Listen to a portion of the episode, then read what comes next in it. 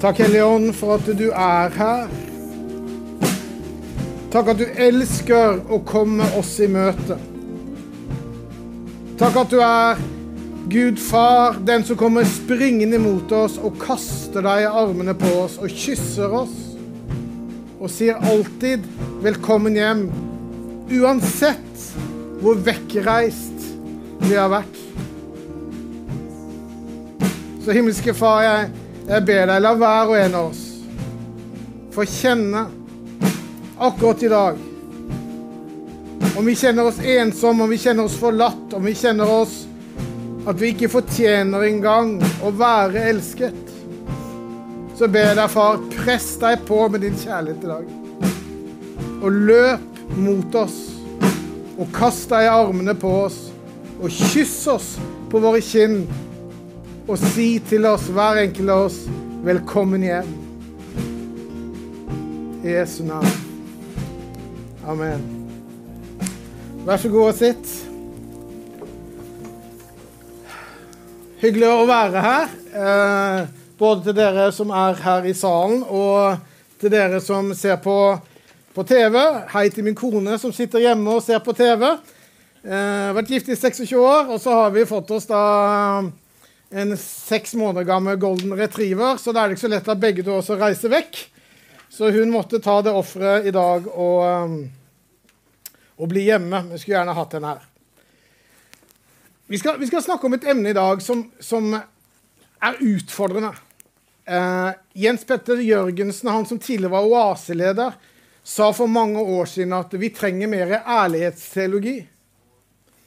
Og uh, og jeg tror nok at ærlighetsteologi er det som bør defineres som herlighetsteologi. Eh, for at vi trenger, vi trenger, en tro som vi kan leve med i vår hverdag. Det, det, det nytter ikke å ha en tro som på en måte eh, henger oppe der som en fin pokal, og som vi pusser på en gang iblant, men som ikke er annet til bruk enn til å skryte av. Vi trenger tro som, som vi kan på en måte ta med oss i hverdagen. Og da trenger vi også å våge å møte ærligheten, og vi trenger å møte smerten, og vi trenger å møte det som livet kaster imot oss. For noen av oss har vel oppdaget det, at uh, livet er ikke rettferdig. Og vonde ting skjer med gode mennesker. Vonde ting skjer med fantastiske, herlige, frelste mennesker. Men kanskje har vi ikke alltid fått redskapene og vite hvordan vi takler det når eh, vi hører ingenting. I en tid av kanskje depresjon, frykt, angst, ensomhet. Hva gjør vi med troen vår da? Når på en måte ja, jeg hoppa og dansa og hadde hendene mine oppe på søndag, for det var jo helt herlig. Men mandagen er jo noe dritt, da.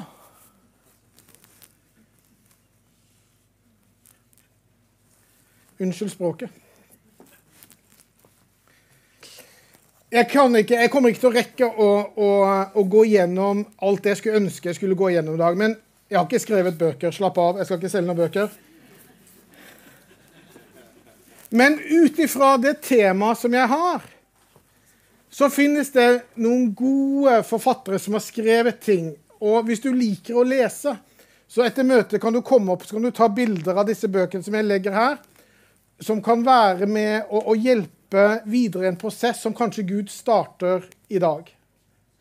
Eh, den første det er jo til alle lovsangere. Brian Johnson, som også er en venn av meg slet i mange mange år med, med angst, panikkangst, som ødela hele livet hans og familiens liv nesten. Og han har skrevet en bok som er helt fantastisk. For, for uh, vet, Han leder hele Bethel Music, starta hele Bethel Music. Og, og uh, skrevet en bok som heter 'When God Becomes Real'. Uh, vi lever i så rike og gode samfunn at vi er jo ikke desperat behov av Gud i hverdagen. Vi klarer som regel relativt greit sjøl, men plutselig så trenger du Gud. Og det er en fantastisk vitnesbyrd på, eh, på, det. Eh, Smerte er uunngåelig, men hvordan stoppe smerte? Det er også en bok som er veldig bra å, å lese, så du kan ta bilde av. Traumer. Hvordan bli helbredet fra traumer. Jeg har en god venn av meg som jobber nært med Randy Clark, som heter Mike Hutchin, som har skrevet en bok om dette, om, om traumer, og spesielt posttraumatisk stressyndrom. Eh, og han blir faktisk brukt nå av det amerikanske forsvaret til å hjelpe soldater med å bli satt fri fra traumer. Så også en veldig god bok å lese. Og så til ledere. Det er noe som heter 'leadership pain'. Hvordan overleve i det å være leder. Uh, I USA så er det noe som uh, en, en, en forskningsgruppe, kristen forskningsgruppe som har gjort en undersøkelse som viser det at det finnes de tre hardeste jobbene å ha i USA. På nummer én er det den amerikanske president. På nummer to er det å være sykehusdirektør. Og så nummer tre er det å være pastor. Eh, så, så eh, det kan være greit hvis du er i lederskap og kunne og, eller, eh, og kunne kanskje lære seg litt i hvordan håndtere smerte. Så det er noen bøker da som du kan ta bilde av, og så bestiller du på, på nettet. Så har jeg sagt litt om det, for jeg vil ikke klare å gå gjennom alt som jeg egentlig ønsker å gå gjennom i dag. Vi finner fram Bibelen. Johannes 6, 67-69.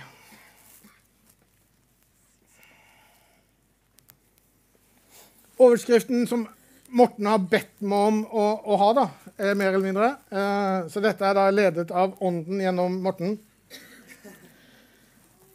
Med Jesus hele livet er, er overskriften.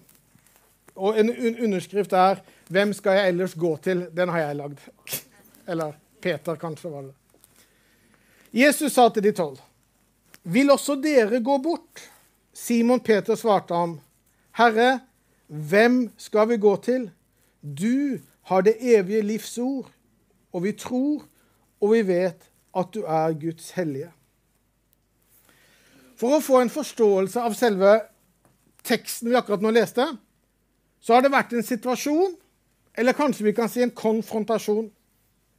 Det er mange mennesker nå på dette tidspunktet som har så lyst å gjøre Jesus til konge i Israel. Fordi de har opplevd at Jesus er jo helt fantastisk. Hvor mange har vært der? Jesus er helt fantastisk! Ja, Jesus er, altså Det er derfor vi er her. Jesus er fantastisk. Hadde Jesus ikke vært fantastisk, så hadde vi ikke giddet å sitte her. Men Jesus er jo helt fantastisk, og det hadde de funnet ut. Og hvorfor det? Jo, han hadde jo møtt alle deres behov. Han hadde møtt deres fysiske behov, han hadde gitt dem mat. Han hadde møtt deres emosjonelle behov, han hadde fortalt om, om en, en, en framtid, og de trodde på at nå skulle, skulle, Israel bli selvstendig igjen. Og så hadde han møtt deres fysiske behov ved at han hadde helbredet deres sykdommer. Så Jesus er fantastisk. La oss gjøre ham til konge.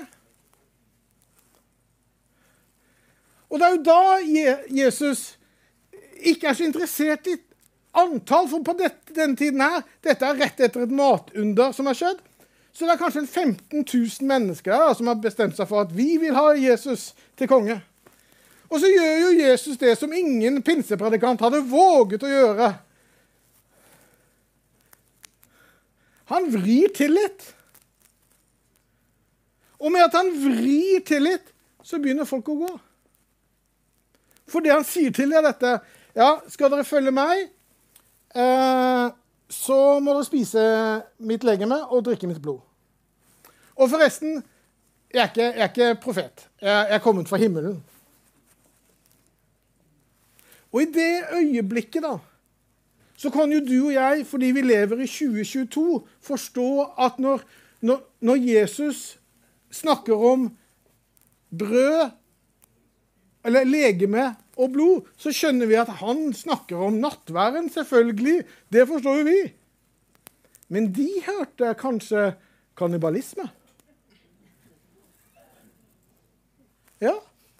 Og det var, det var, det var, det var jo helt forbudt i Israel. Ikke engang en kald skulder kunne du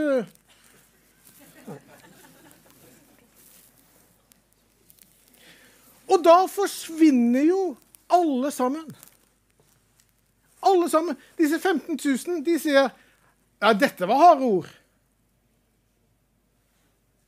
Og så snur Jesus seg til sine tolv, de som han sjøl har plukket ut, og så sier han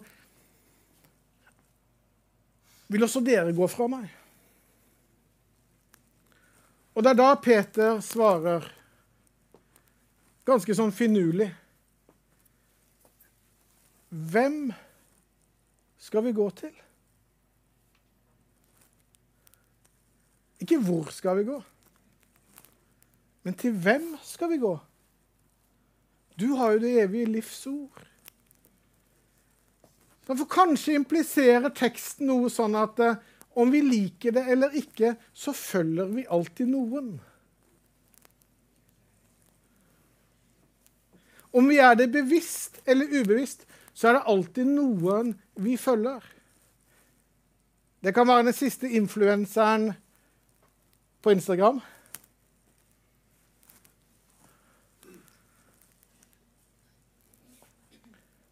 Jeg liker jo Dag Otto Lauritzen. Jeg syns han er veldig bra. Kommer med masse bra eh, under soldattreningene her. Mye gode ord. Noen kan kanskje følge han. Vi følger alltid noen. Vi tar alltid inspirasjon fra noen. Og Derfor Peter sier, 'Hvem skal vi gå til?' Og hvorfor sier han det? For de hadde jo også hørt det samme som alle de andre. Det var jo rett og slett anstøtelig. Men hva er det som gjør at de velger å bli? Jo, for det finnes en stor, markant forskjell. De hadde begynt å lære Jesus å kjenne. Så selv om de ikke forsto, så ble de. Og Det er noe av vår utfordring i vårt samfunn i dag. da. Hva gjør vi plutselig når vi ikke forstår? Det, det takler jo ikke vi alltid. Og det er det jeg skal snakke litt om mer i dag. For noen år siden så, så var jeg i Stuttgart. Og jeg talte i en av de største menighetene i Tyskland. Over 6000 medlemmer. Og jeg, ble bedt, jeg ble bedt der for å komme, for de ønsket å ha en helbredelseskonferanse. Og salen var smokkfull. Eh, menigheten har over 80 nasjoner, så liksom på, på øverste toppen så, så du bare liksom masse forskjellige boder med ulike tolkere som bare satt og prøvde på sitt harde liv å tolke. Jeg snakka jo engelsk, og så hadde jo da en tolk da som snakket over til tysk, og så skulle de igjen eh, tolke over til afrikanske språk og Asia. Ja, så det var, jo, det var jo en tøff kveld for de.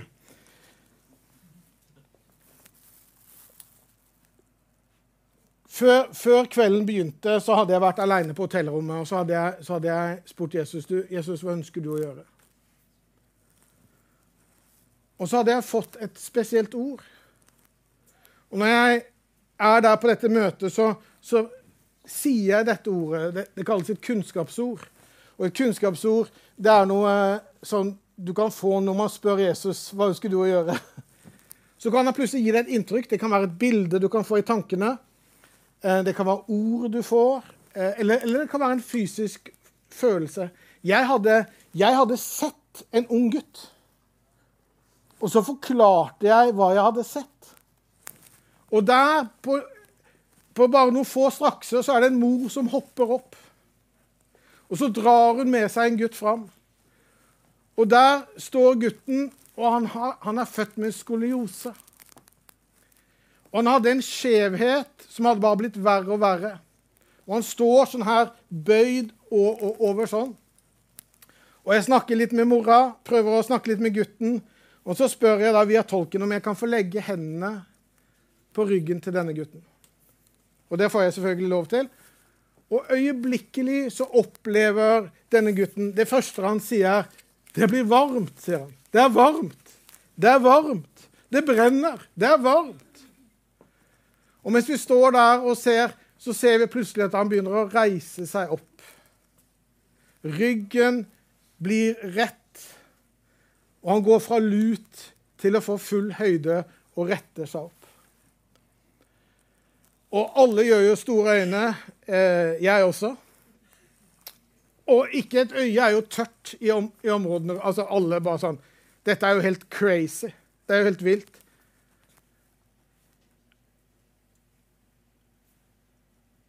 Og utfordringen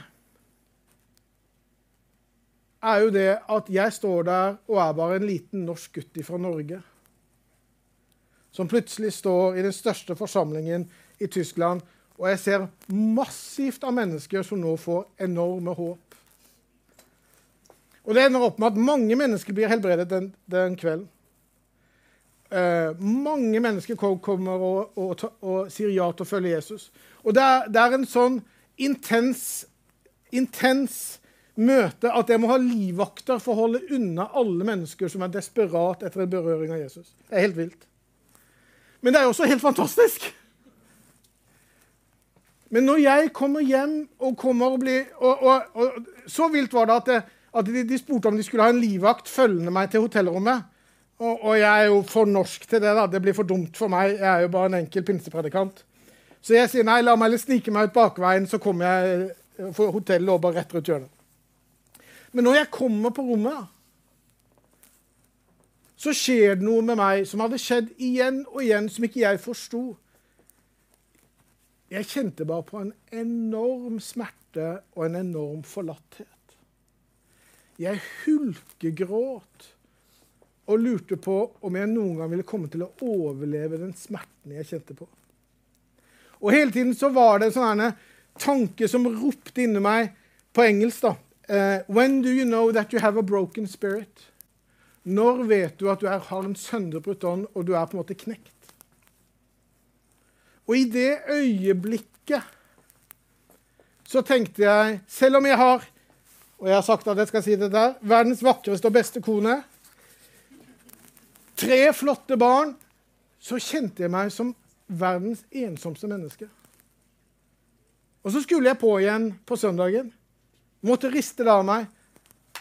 Men da begynner det å skje noe med meg. Og bare noen få uker etterpå så står jeg og min mor og lille julaften og forbereder til å lage julemiddagen. Og for første gang da så opplever jeg at jeg får panikkangst. Og jeg slipper alt jeg har, løper ut og tror jeg skal dø. Sikker på at nå, nå dør jeg.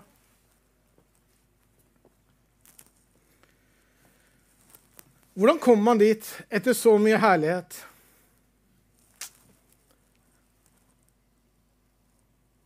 Jeg drev bibelskole fulltid. Jeg drev en voksende menighet. Jeg reiste over 100 dager i året internasjonalt. Vi så helbredelser konstant. Vi så så masse helbredelser at jeg visste ikke hva jeg skulle gjøre med det. Og Det var sånne til tider sånne crazy helbredelser når bibelskoleelevene kom hjem fra noen dager i en by i Norge. Så kom de og fortalte om helbredelse. Og så begynte liksom vitnebyrdet sånn. Ja, Og så kom det en fyr som hadde ødelagt girene på sykkelen sin. Vi ba for den nå, vi, Sverre. Og Gud fiksa gira. Og så kom det andre ja, du, og vi var der, og da var det en gutt. Han slet litt med høyden, så han lurte på om vi kunne be for beina hans at begge to kunne vokse ut. Og de vokste ut 2,5 cm. Og så står du der og så tenker du, hva gjør jeg med dette? Hvem snakker jeg med? Hvem har opplevd dette før? Hvem kan gi meg råd på disse tingene her?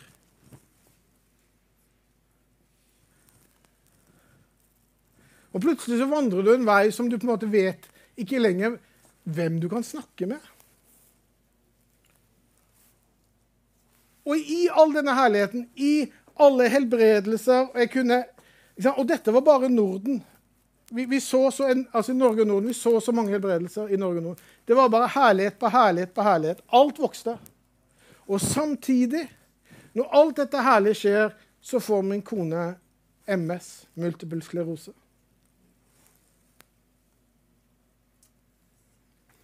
Og ikke den sånn, litt sånn forsiktig multiple sklerose, men det som kalles for attakk. Altså en aggressiv Så aggressiv at det er ikke snakk om om, men når det vil bli rullestol osv. Og, så står du i denne spenningen her, da. Og så bestemmer du deg for Nei, vet du hva? Vi skal be om at min kone skal bli frisk. Og Da skulle vi jo tro at alle sto og jubla og klappa. Fantastisk. Nei, da kommer folk og sier nei, du, eh, Reinhard Bunke har fått kreft. Ja, men eh, Ja, han, ja, nei, men du vet, Folk blir jo ikke friske fra MS. Det finnes ingen helbredende kur ifra det.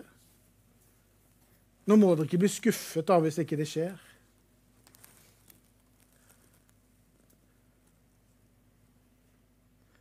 Fem års kamp med mange mennesker som ikke ville Og da var det bare de troende jeg snakka om. Eh, de fleste ikke-kristne syntes det var kjempespennende at vi ba og ikke ga opp når det kom til MS. Blir folk friske fra MS, da? Nei, medisinsk sett så blir det jo ikke det. Medisinsk sett så er det helt, helt rett. At i dag har de fått heldigvis veldig mye god bremsemedisin. Men når min kone fikk det, så hadde de noe sånn skikkelig dårlig medisin med masse bivirkninger, så hun valgte ikke å ta det. Hva gjør du da når du velger å gå den veien? Og si at du, vi gir oss ikke, vi ber.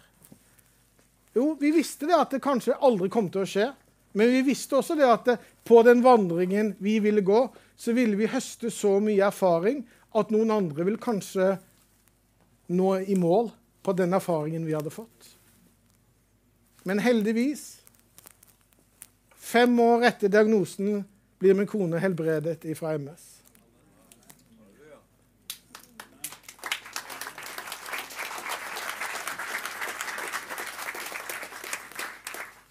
Utfordringen er at jeg begynner å bli sliten. Utfordringen er at jeg har strukket strikken for langt. Ikke bare var det panikkangst, men nå var det også sosial angst.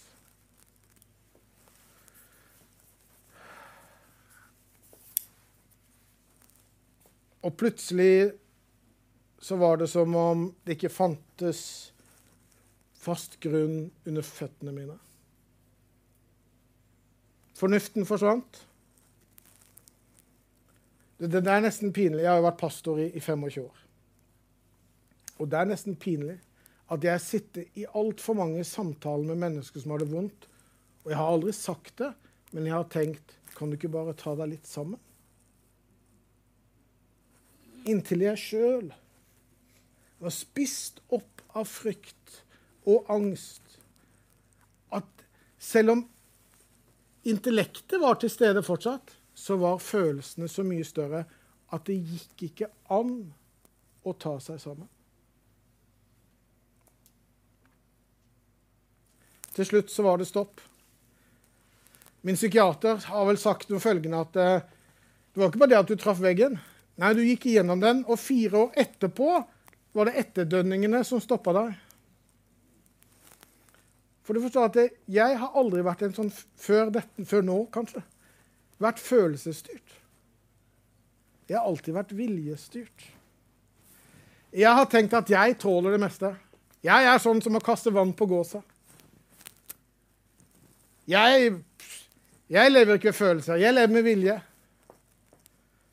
Jeg bare tar meg sammen litt. Jeg, jeg bare biter tennene sammen litt ekstra. Men i all denne historien så finnes det altså nær familie som går og legger seg for hun har litt vondt i hodet, og våkner aldri og er bare 40 år. I denne historien finnes det en jente på 15 år som året etter ikke takler at mammaen døde og tar sitt eget liv. I dette, og dette er den samme perioden, så kjemper vi med sykdom for min kone. Og i dette samtidig så ser vi Guds rike gå fram med tegn, under og helbredelse. Og spennet blir for stort. Jeg klarer ikke spennet av for så mye personlige tap og smerte, og samtidig å se så mye vidunderlige og fantastiske ting. Så Stuttgart blir det siste møtet jeg holdt på nesten fem år. Jeg klarte ikke mer.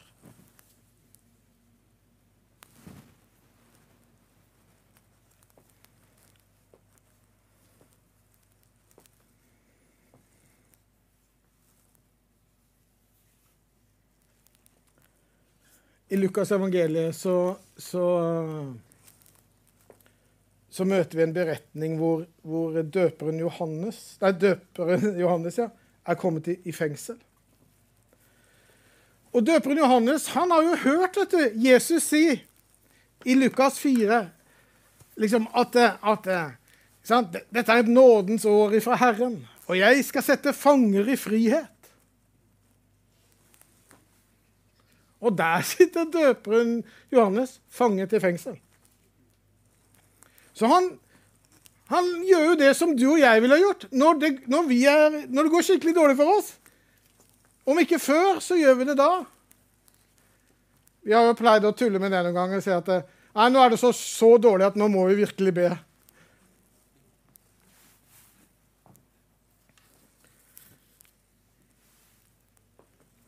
Men døperen Johannes er i fengsel, og han lurer på Jesus, er du den som skal komme, eller er du ikke det?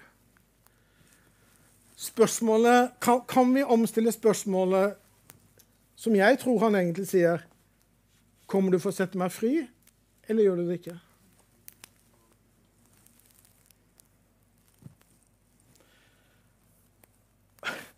Og så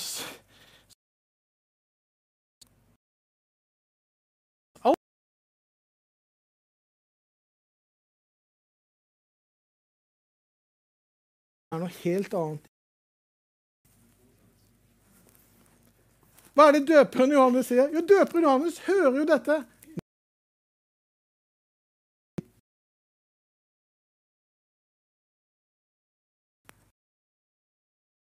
Iallfall jeg lyst til å si ja, men det står skrevet.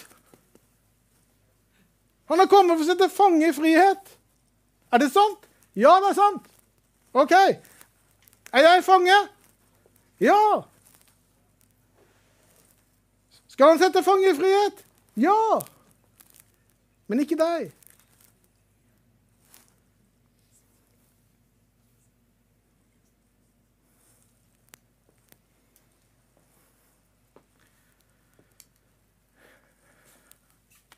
Hvordan lever vi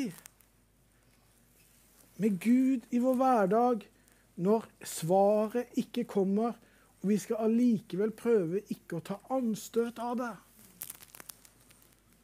Hvordan lever vi når svaret uteblir? Og sånn er det jo også, kjære venner, at jo mer frykt og angst og mer indre kamper, depresjon, jo vanskeligere er det også å høre noe.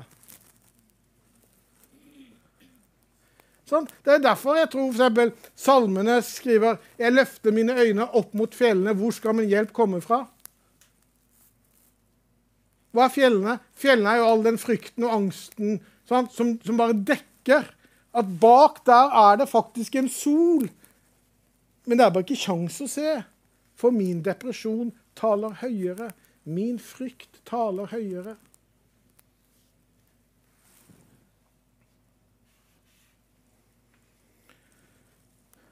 Ca. tre måneder etter at jeg hadde begynt å gå hos psykiater, jeg gikk hos denne fantastiske gamle damen. Eh, jeg tenker Noen ganger tenkte jeg på eh, The Shack, hvor den gamle dame, eller denne eh, afrikansk eh, Afro-American-dama var liksom Den hellige ånd. Så tenker jeg på min psykiater noen ganger. Nesten, nesten, hun var en nesten pensjonert psykiater. Og jeg gikk der altså et helt år, hver uke et helt år til denne dama. Og så hadde vi akkurat gått igjennom på en måte hva jeg holdt på med. da, Og jeg følte at jeg aldri gjorde nok. Jeg følte at jeg aldri gjorde nok. Jeg reiste 100-120 dager i året. Jeg var rektor og hadde plantet og startet en bibelskole som het Veien bibelskole. Eh, jeg leda to menigheter, én i Bergen og én på Voss. Vi drev misjonsarbeid i Polen og planta menighet der. Og jeg følte at jeg fortsatt ikke gjorde nok. Og jeg hadde enorme krav til meg sjøl og mine medarbeidere. Og så sitter denne psykiateren og så sitter hun og så ser hun på meg. For jeg ligger jeg vet ikke hvis du aldri har vært hos psykiater, jeg lå ikke en, en, på en sofa liksom, Uh, og sa liksom min mor mistet meg i gulvet da jeg var altså. Men vi satt i to gode stoler, da. Og mens vi sitter rett overfor hverandre, så hun ser jo på deg. Og så ser hun så, så, hun, hun, var ikke en kristen, men, men, men, men, hun hadde vokst opp i et kristent miljø. da. Og så ser hun på meg og så smiler hun sånn, sånn liksom varmt. Og så tenker jeg, hva kommer nå? Og så sier hun, si meg, Sverre, hadde du tenkt å vinne verden for Jesus helt alene, du?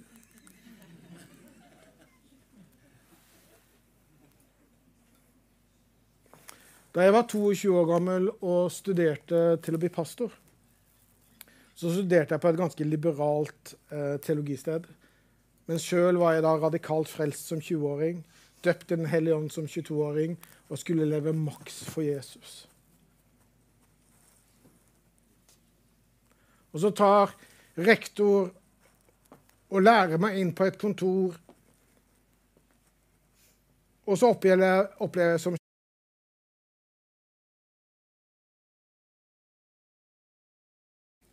Jeg tilga med de. Men det jeg ikke forsto før jeg var 50 år gammel Og jeg er 55 nå. Jeg vet det ser jo ikke sånn men altså, jeg er jo det.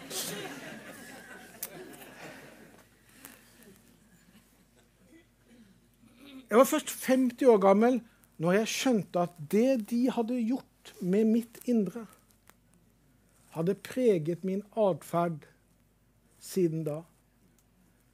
Så hver gang noen kom og sa 'Sverre, vi trenger å prate med deg litt', ble jeg sjuk. Og jo eldre jeg ble, jo kraftigere ble det. Og hvor mange vet at det går ikke an å være en progressiv leder i en karismatisk menighet, bibelskole, reise verden rundt, og så kan ikke folk snakke med deg? Og selv om mine tanker sa i det øyeblikket at nei, men det er jo ikke noe farlig, så var jeg allerede spist opp på innsiden. Og det jeg ikke forsto, og som min psykiater hjalp meg til å forstå, det var jo at jeg hadde rett og slett fått en traume. Jeg hadde blitt så skadet på innsiden at hver gang noen sa disse ordene du trenger å snakke med deg, så var det som å trykke på en rød knapp her, og frykt spiste meg opp. Så jeg gikk faktisk til traumebehandling. Og Psykiateren min sa at jeg var et bananskall unna altså du kan skli på et bananskall sant? fra å, å faktisk få posttraumatisk stressyndrom. Men hva endret alt? Jo, alt endret seg da jeg skjønte at hele livet hadde jeg strevd med å gå imot disse ordene som disse hadde sagt til meg. Jeg skulle bevise for verden at jeg ikke var en vond person. Jeg skulle bevise for verden at jeg virkelig gav alt for Jesus.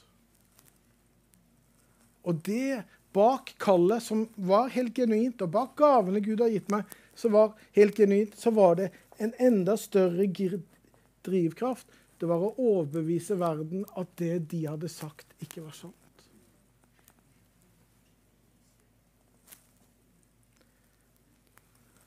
Det jeg ikke forsto, og som jeg heldigvis vet i dag, det er at underbevisstheten har en egen evne til å lagre. For til tross at jeg hadde tilgitt dem Mange vet ja, nei, men hvis du tilgir, da er du fri. Nei, det er for sånn om, om du tilgir dem, så er de fri. Kanskje må du ha litt mer hjelp.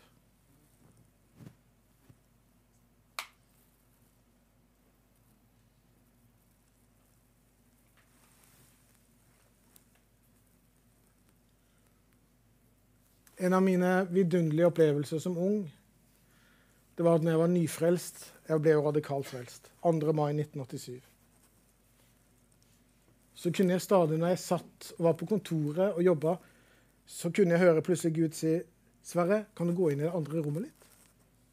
Og jeg spurte sjefen du, kan jeg få lov å gå en tur ut til det andre rommet. Det er noe vi må gjøre. Så gikk jeg inn, og så kom jeg dit. Og så spør jeg ja, Gud, hva er det? Og så sa han bare nei, jeg hadde bare lyst til å være sammen med deg litt. Og så kom Guds nærvær. Og jeg var så elsket at jeg visste ikke hva jeg skulle gjøre av meg. Og det var som når jeg gikk ut derfra, så var det som om jeg glødet. Og sammen med min psykiater så skjønte jeg det at det som kommer til å forandre mitt liv, er å gå tilbake igjen til dette enkle. Til dette å la seg elske igjen bare for den du er, uten noen prestasjon, uten noe. Å jobbe med disse tingene som har kostet så mye. Livet har jeg kanskje romantisert litt for mye. Jeg skulle være herlig frelst, leve i seier. Og jeg skulle følge Gud og lyde Gud, og da skulle alt gå godt.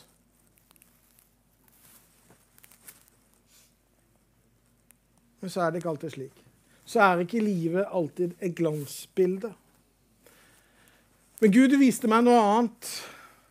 Han sa at kanskje finnes det et vakrere bilde laget av mosaikk. Mange knuste biter som når Herren får putte det sammen, blir kanskje et vakrere bilde enn det et glansbilde er.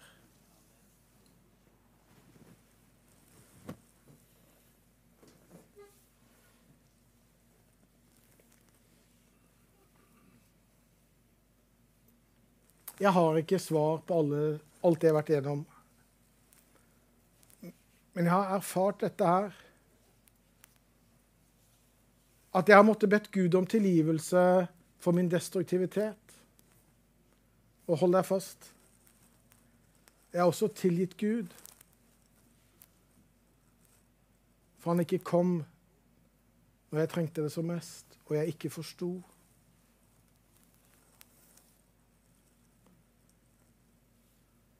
Skulle jeg fortsette min nære relasjon med Gud, så måtte jeg si, 'Herre, jeg tilgir deg'. Jeg tilgir deg for ikke å redde min nære familie. Jeg tilgir deg for ikke å ta vare på meg når jeg levde maks for deg. Men så er det dette, da, at jeg har lært han å kjenne.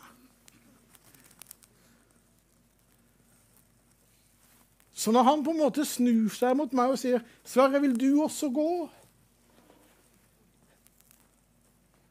Så har jeg jo lyst en gang iblant. Men så vet jeg at mitt liv handler ikke bare om nå. Det handler om en evighet. Hvor, skal, hvor der skal ingen smerte være. Der skal ingen skam være. Der skal ingen tårer renne. Der skal ingen sykdom. Der skal ingen dø. Og derfor gjør jeg som Peter og sier, 'Herre, hvor skal jeg, eller hvem skal jeg ellers gå til?' Jeg har smakt for mye. Jeg har kjent for mye. Jeg har ingen annen mulighet. At til tross for livet ikke ble som jeg hadde håpet og ønsket, så følger jeg fortsatt med skal vi reise oss.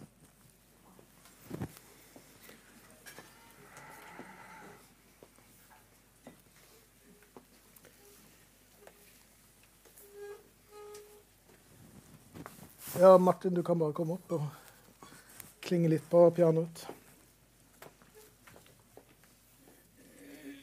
Det er mange av oss som, som eh, det, finnes ikke, det finnes ikke en tid i vår historie hvor vi blir påvirket negativt av alle, på alle sider i livet.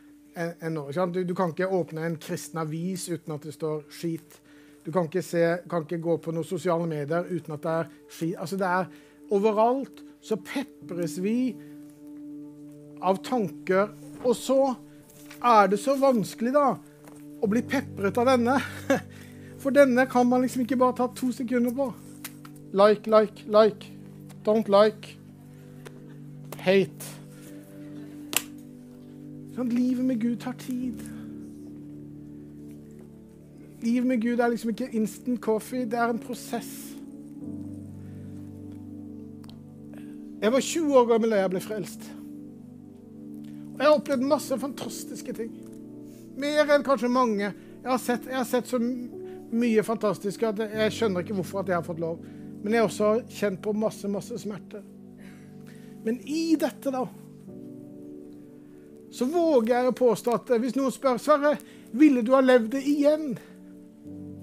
Så ville jeg svart ja, det har vært det pga. alle de menneskene under den smerteveien jeg også fikk berøre med Guds godhet. Det har det vært.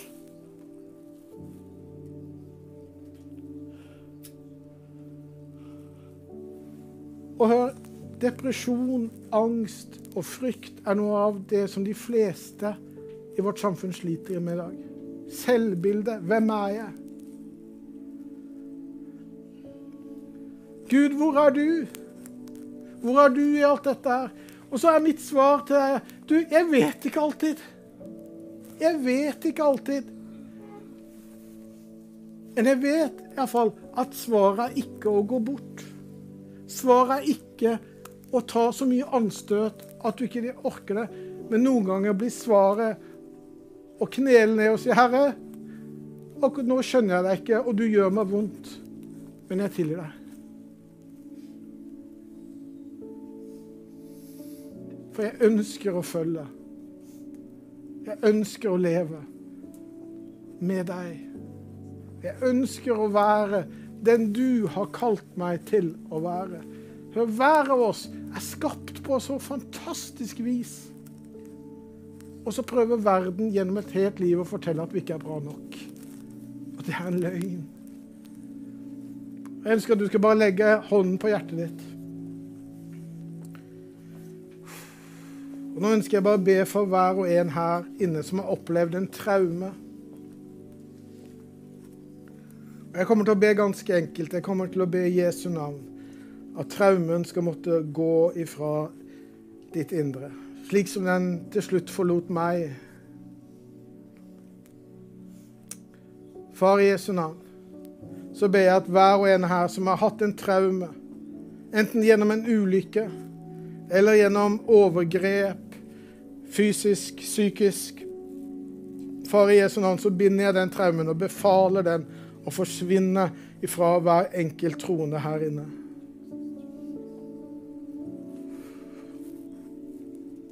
Og så ber jeg himmelske Far at du i Jesu navn kommer og fyller opp med ditt nærvær.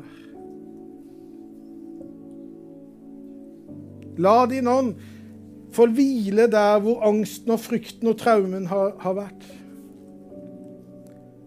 Jeg taler til hver en depresjon og motløshet, og jeg befaler dere i Jesu navn å ti still og forsvinne.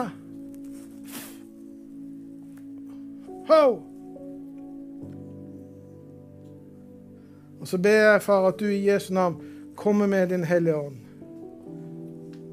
Med kraft, sindighet og kjærlighetsånd.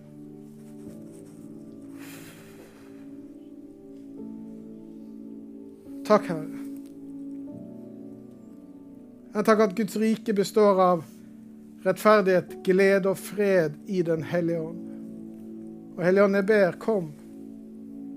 Kom og fyll der hvor depresjon har vært. Kom og fyll med glede. Der hvor frykt har vært, kom og fyll med kjærlighet.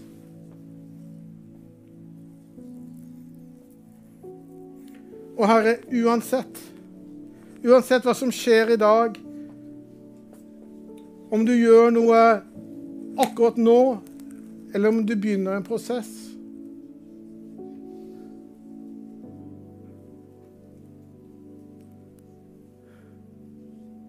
Så forlater du oss ikke.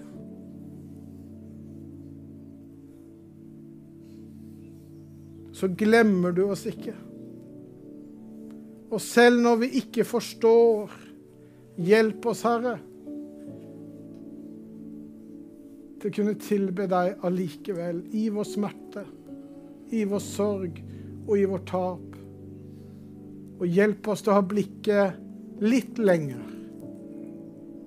enn bare for i dag. Men hjelp oss å se at uansett hvordan livet mitt er nå, så vet jeg at en dag vil sorg og smerte og sykdom ikke lenger være. Men jeg ber, far, for alle som er inne, at de får oppleve nå i dag at de kan vitne om Guds rike kom nær. Akkurat nå. I Jesu navn.